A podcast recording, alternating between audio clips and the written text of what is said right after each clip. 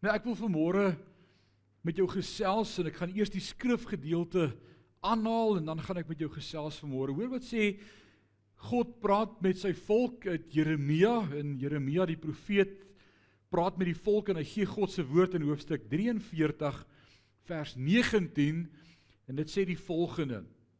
God is aan die woord en hy sê ek gaan iets niets doen.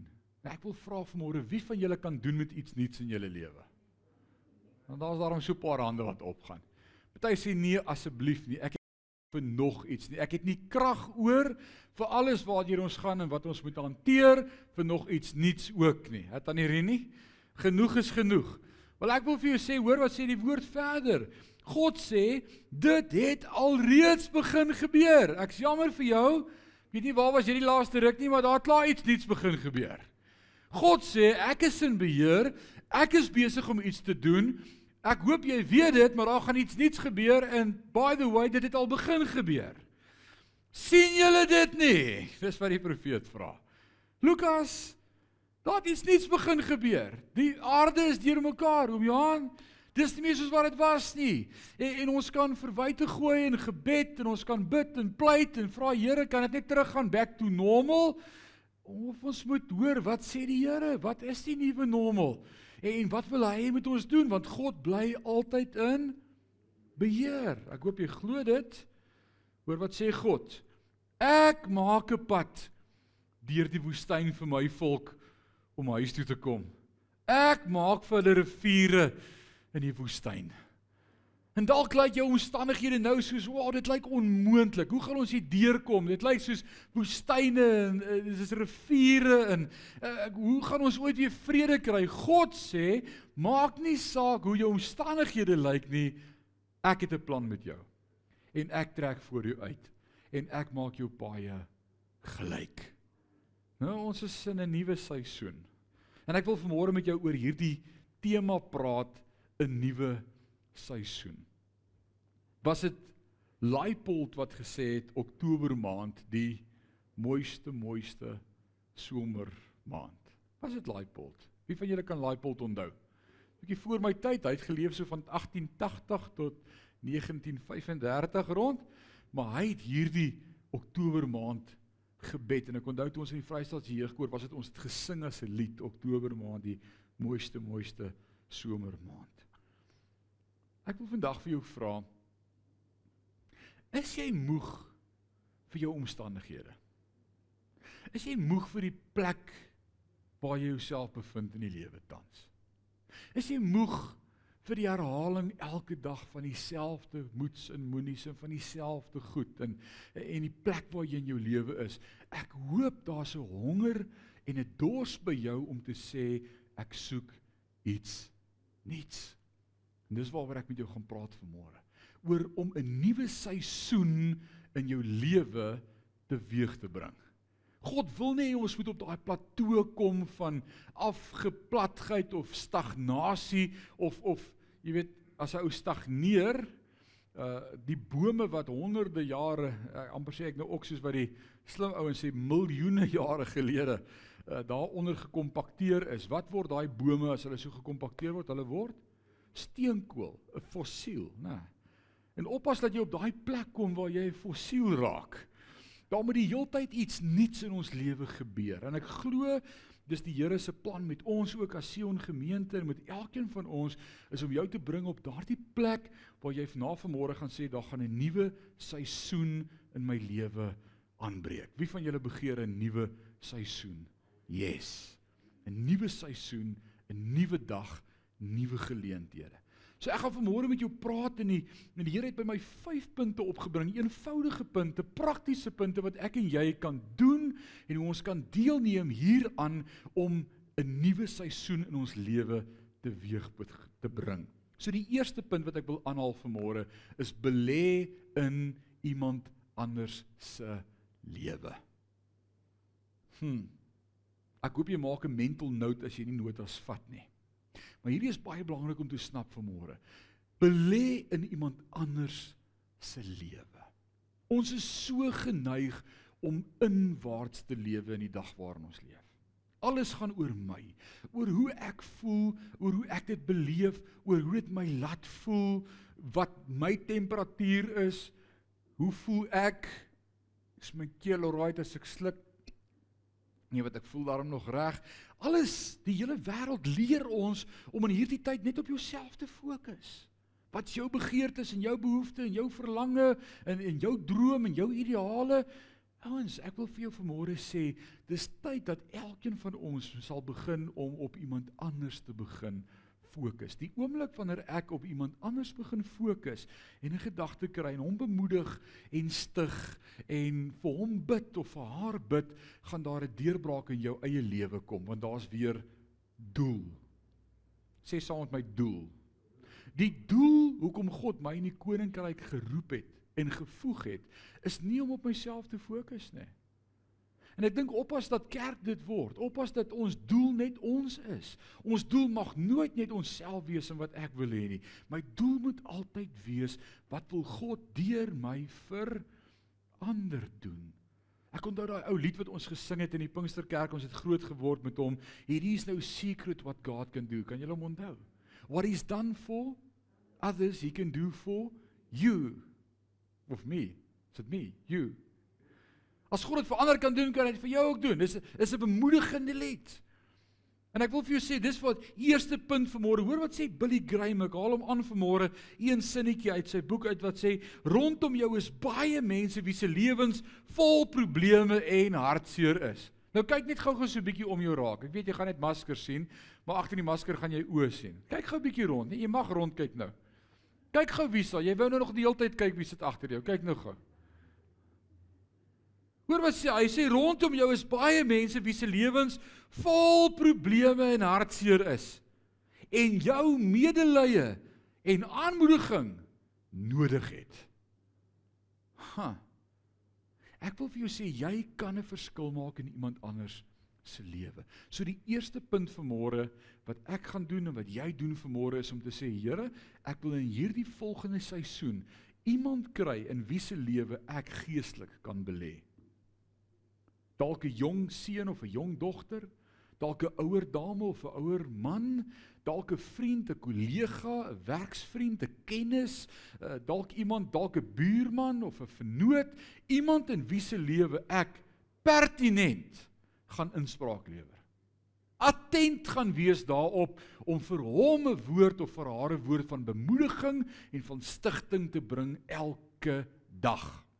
Ek wil jou challenge om elke dag vir daai spesifieke persoon te bid, maar ook te sê Here, wat se woord kan ek vanmôre vir hom of vir haar gee? Wat se skrif kan ek met hom of met haar deel? Nou sê jy vir my, ek kan nie belê in iemand anders se lewe nie. Ek het self nog nodig om gementor te word.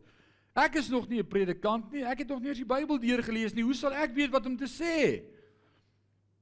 Paulus praat met Timoteus in 2 Timoteus 2 vers 22 en dan sê hy vir Timoteus in 2 Timoteus 2:22 hierdie betroubare woord wat ek aan jou toevertrou. Al wat jy moet doen is om dit met ander te deel. En ek wil vir jou sê hierdie is 'n betroubare woord. Dis vir my so awesome hoeveel van julle reeds dit doen. Ek check julle statusse in die oggende. Ek kyk hoe laat in die oggend het jy Bybelstudie gedoen. En dan sien ek daai stukkie wat jy by die Here gekry het en jy sit jou versie op jou status en jy sê vandag is hierdie vir iemand. Ek wil vir jou sê hou aan daarmee. Dis om vir iemand anders voor oë te hou. Maar wees meer spesifiek. Identifiseer môre, vra vir die Heilige Gees, Here, wie wil U hê moet ek mentor of disipuleer? Of vir wie moet ek bid spesifiek by die naam? en ek gaan met hom skrif deel en hom bemoedig en hom ondersteun en hom aanmoedig. Dit is vir my so pragtig die voorbeeld van Jesus in Matteus 20 sê die woorde vir my so mooi as Matteus dit vir ons skryf in vers 28 en hy sê Jesus het nie gekom om gedien te word nie maar om te dien. So punt 1 is trek jou voorskoot aan. Kan ons dit so kan ons dit so eenvoudig vir mekaar sê? Kom op daai plek wat jy iemand anders gaan begin bedien en in iemand anders se lewe gaan belê. Wie van julle sê vanmôre accept the challenge? Alraai, daar's party wat sê nee, is nie vir my nie. Ek hoop jy luister vanmôre. Accept the challenge. Begin in iemand anders se lewe belê. Moenie self gefokus leef nie. Die tweede punt Bid vir iets niets. Baie van ons het 'n gebedslewe en ek hoop almal van ons het 'n gebedslewe. Dis 'n kardinale deel van jou verhouding met God. Jy moet bid, jy moet met hom praat, jy moet tyd spandeer in gebed. En stilte tyd is nie net 'n halfuur of 10 minute 'n dag of 'n uur nie, dis die heeldag. As jy in jou kar klim, as jy uitklim, as jy ry en iemand ry voor jou in, die heeltyd. Jy moet bid. Praat met die Here. Oor elke ding wat gebeur, moet jy met die Here praat. Maar bid vir iets niets. As jy wil hê daar moet 'n nuwe seisoen in jou geestelike lewe aanbreek, is hierdie deel van die resep vir 'n deurbraak vanmôre vir jou. Begin die Here vertrou vir iets niets. Begin nuut dink oor bid. Moenie elke dag dieselfde resep hê en dieselfde resitasie hê en dieselfde formaat hê en dieselfde woorde gebruik nie. Begin die Here vertrou vir 'n nuwe ding om te bid. Dit beteken dat ek en jy soms eers gaan moet stil bly voordat ons begin bid. Alraai. En dis nog 'n challenge vir van ons, né?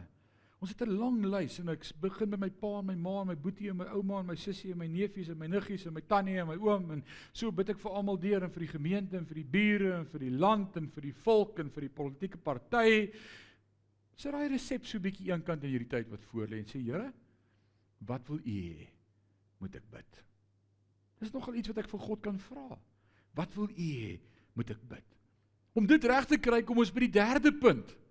En die derde punt vir môre is maak tyd vir stil wees saam met God. Wie van julle kan dit reg kry om stil te wees? Daar's baie van ons wat sukkel daarmee. Dit was my voorreg om so 'n maand gelede, so 5 weke gelede op 'n silent retreat te gaan. Een van ons pastore in die distrik bel my en sê luister hier's 'n 3 dae silent retreat en ek sponsor jou jy moet kom uh, en ek dog toe Jesus ek het stilte nodig dit sal amazing wees. En ek het gedog silence is om stil te bly. Maar dit is baie meer as om nie te praat nie. Dis om stil te word, om stil te wees, om stil te raak, om God te beleef en te ervaar. En ek wil vir jou vanmôre sê dit help jou om hierdie nuwe seisoen in jou lewe aan te wakker en om daardie plek te kry in jou geestelike lewe waar iets nuuts vir jou gaan deurbreek. Maak tyd om stil te raak saam met God. Jesus wat vir my en vir jou ons groot voorbeeld is uit die woord uit en hoor wat skryf Markus as hy skryf in Markus 1 vers 35 van Jesus hy sê nog voor dagbreek Die volgende oggend het Jesus opgestaan en alleen op 'n stil plek gaan bid.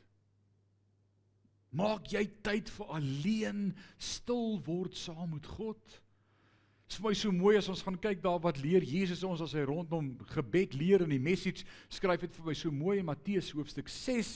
Hy sê wanneer jy dan wil bid, gaan in jou binnekamer, sluit die deur agter jou en raak stil met God. Moenie met 'n repetisie van woorde of vooropgestelde idees kom of soos die heidene en die tollenaars en die fariseërs wees wat 'n klomp woorde gebruik en dink hulle impres God nie. Raak stil. Sê saam met my raak stil. Ek dink dis 'n seisoen in my en jou lewe. Dit bring groei wanneer ek en jy kan leer om stil te raak.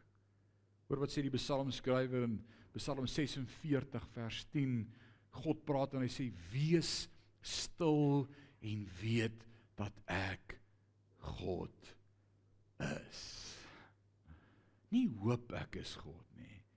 Nie wonder of ek daar is nie. Weet ek is wil vir jou sê ons leef in 'n tyd wat jy nie nou meer kan wonder waar is ons en waar is die Here en ek wil vir jou sê hy's op pad met ons. Hy's besig om met ons te journey.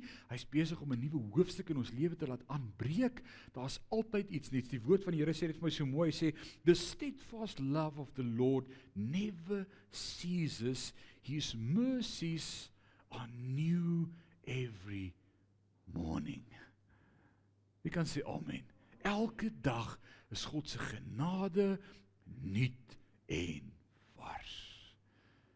En as ons inwaarts lewe en ons is selfgefokus en ek maak nie tyd vir gebed nie en ek raak nie maak nie tyd vir stil word nie, dan dan is ek naderhand so selfgefokus dat ek nie God se nuwe dinge raak sien om my nie. Maar dis juist hierdie challenge wat ek vanmôre uitsit vir elkeen van ons is om te sê God wil jou in 'n seisoen innooi om te sê ek wil iets nuuts doen. By the way, ek het al begin daarmee vir die wat dit nie geweet het nie. Ek is besig met iets.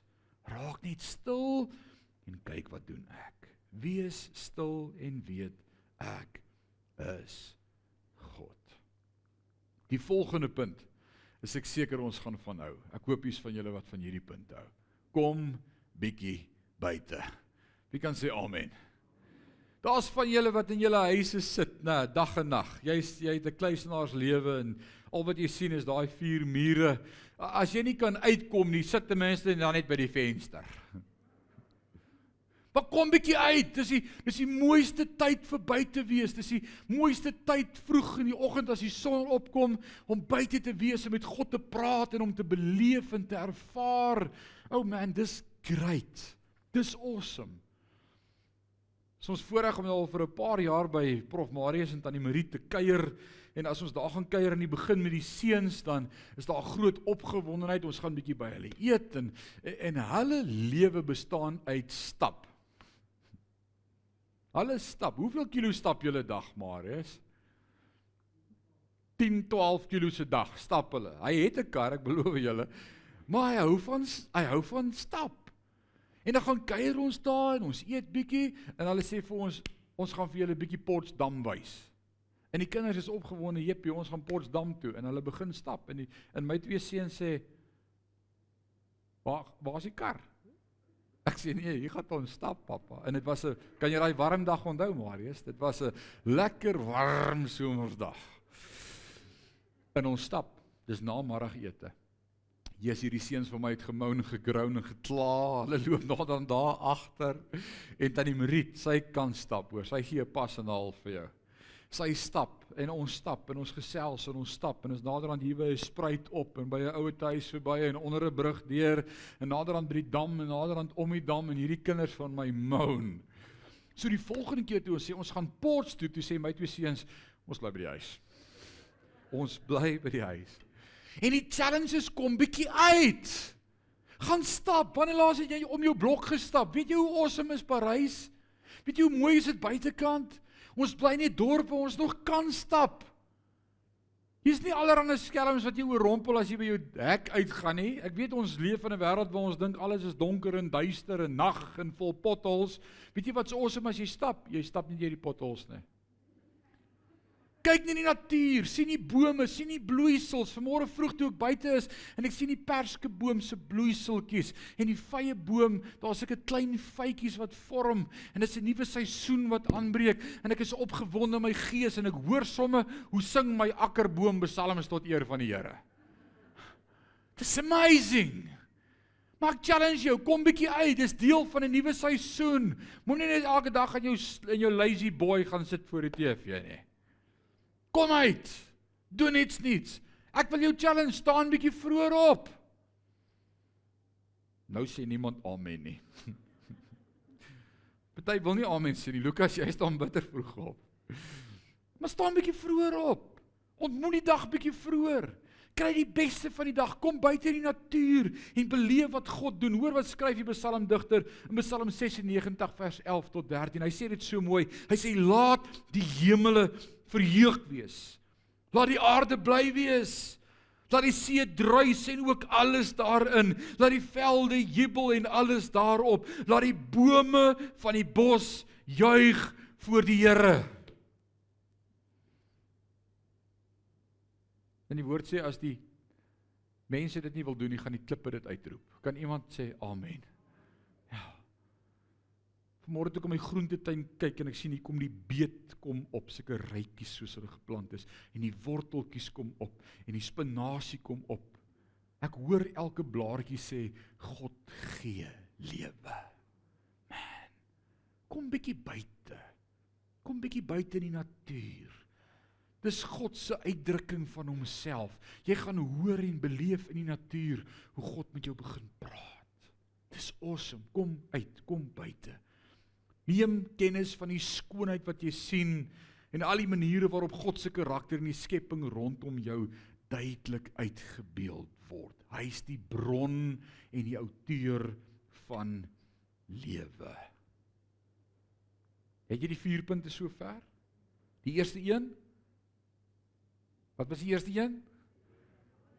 Fokus bietjie op iemand anders, reik uit na iemand anders, belê in iemand anders. Die tweede een, bid vir iets niets. Die derde een, deel van daai gebedsproses is ek moet nou bietjie stil word, maak tyd vir stil wees saam met God. Moenie bang wees as daar niks gesê word nie, bly bietjie stil. Sit net by die voete van die Here en praat niks. Hy wil sê hy wat wag op die Here. Hy wat wag op die Here word aangedoen met nuwe krag uit die hemele. Hulle vaar op met vleuels soos die arende. Hulle hardloop en word nie moeg nie. Hulle wandel en word nie mat nie. Hy wat op die Here wag, wag net, wag net. En dan die volgende punt was kom bietjie buite in die natuur, skud bietjie daai winter af. Kom buite, sommer goed vir die lyf ook, né, 'n bietjie oefening. Stap vir oefening. En dan die laaste punt, en hier's 'n belangrike een vir môre. Wat sê jy van hom? Skakel negativiteit uit. Renew your mind. Paulus sê vir die gemeente in Romeine in Romeine 12 skryf hy vir hulle en sê ek wil hê dat julle 'n nuwe manier van dink sal kry. Moenie gelykvormig word aan die wêreld en dink soos die wêreld en praat soos die wêreld en kla soos die wêreld nie, maar word vernuwe deur julle denke. 'n Deel van hierdie proses om in 'n nuwe seisoen in te beweeg, is ek moet vir die Here plek maak in my denke en my ou mindset moet ek begrawe en sê help my om nuut te dink. En negatiewe goed. Ek het nou genoeg gehad van hoe en van waar en van waar en van die ek het genoeg gehad van al hierdie goed. Give me Jesus. Give me Jesus. Fokus op nuwe goed. Paulus skryf van die gemeente in Filippi in Filippense. En as hy vir hierdie gemeente skryf, sit hy in die tronk, in die gevangenis. En dan skryf hy vir hierdie gemeente in Filippi om hulle te bemoedig en hulle aan te spoor en te motiveer uit gevangenskap uit. In hoofstuk 4 sê hy in vers 4 vir hulle: Ek herhaal, verbly julle in die Here. Maar hoor in vers 8 wat sê hy en wat was sy resep gewees? Want dis al hoe jy dit in die tronk kan maak, né? Nee om gefokus te bly en bly te kan wees in die Here. Hoor wat sê hy in vers vers 8. Hy sê weet julle waaraan julle moet dink in plaas van om te sit en julle te bekommer. Nou kom ons wees eerlik, dis so maklik om te sit en jouself te bekommer of te dink oor jou bekommernisse en jou probleme en jou worries. Dis maklik. Maar hoor wat sê hy? In plaas daarvan om te sit en julle te bekommer, dink aan dit wat vir God saak maak. Dink wat ordentlik en reg is, dinge waarop God sal dink, dinge waaroor God sal dink en waarvan hy sal hou, dinge wat God sal sê goed is. Moenie julle tyd mors om aan allerlei nuttelose dinge te sit en dink nie. Hou julle besig met dinge wat die moeite werd is en wat God in 'n goeie lig stel. Jesus, en dit het met my gepraat op nuut weer. Waaroor sit en top en dink jy? Waarop fokus jy? Waaroor dink jy? Waar is jou fokus vandag? As ek vir jou sou vra vanmôre, sê bietjie vir ons, waar fokus jy op hierdie oomblik in jou lewe? God sê dink oor die goed wat in die hemele is. Dink oor God se goed. En as jy hierdie goed in jou lewe gaan begin toepas, dan sê ons vanmôre vir die Here, Here, help ons dat ons hierdie nuwe seisoen wat aanbreek vir elkeen van ons. Die Engels sê that we will embrace it. Ek wil dit ek seize carpe diem, né? Seize the moment. Ek wil hierdie oomblik aangryp met alles wat ek het en sê wat gaan hierdie nuwe seisoen vir my inhou? Ek fokus op iemand anders, ek belê in iemand anders, ek disipel iemand anders, ek ek mentor iemand anders, ek ek help iemand anders. Vir my was dit hierdie week ek het myself baie jammer gekry. Dit was vir my 'n baie sad week gewees tot ek myself berisp het en met myself gepraat het. Wie van julle moet ook soms met julleself praat? Dawid praat met homself. Hy sê: "Hey, siel, wat gaan aan met jou? Wat is jy so onrustig in my?" Dawid het dit gedoen. Jy kan dit gerus draai, hoor. Moet dit nie doen as iemand by is nie want hulle gaan dink jy praat met jouself. My ma sê altyd dis oukei okay, as jy met jouself praat, met jouself net nie antwoord ook nie. Maar aan jy moeilikheid. Maar ek moes myself hierdie week berisp. My groot vriend en mentor, een van een van een regtig een van my helde in my lewe, Dr Gert Horak van Bloemfontein Volle Evangelie Kerk, saam met wie ek 2 jaar ook in die voltydse bediening was, het skielik laas naweek afgesterf. Na 3 dae van siekte in die hospitaal. Hulle het hom die Woensdag gediagnoseer met kanker, terminaal en Vrydag nag is hy oorlede. Skielik. En toe vra die familie vir my, "Sal ek die begrafnis kom doen?" Dit is vinnig om dan te sê, "Ja, sure." Maar dit was nie so maklik nie. Hy was vir my 'n mentor. Hy het in my lewe belê. Hy het menigte sonde aan in my gebel en gesê, "Seentjie, wat het jy vandag gepreek?" Dan moet ek vir oom Gert vertel wat het ek gepreek. Partykeer het ek sy been so bietjie getrek en ander goetertjies bygesê net bietjie te laat opklop en sê hy, "Wat?" sê ek nie ek spot. Hy het sy been getrek so af en toe. Maar hy het op my gecheck, hy het uit my gementor, hy het in my lewe belê, hy het hy het vir my gebid, hy het vir my skrif gestuur, hy het gereeld met my gepraat. Sy laaste WhatsApp uit die hospitaal uit, toe ek vir hom sê oom Gert, ons bid vir jou. Toe sê hy vir my dankie my ou seun. Ek was soos 'n seun vir hom. En hier hou ek sy begrafnis en skielik kry ek myself verskriklik jammer. Want waar's my mentor nou?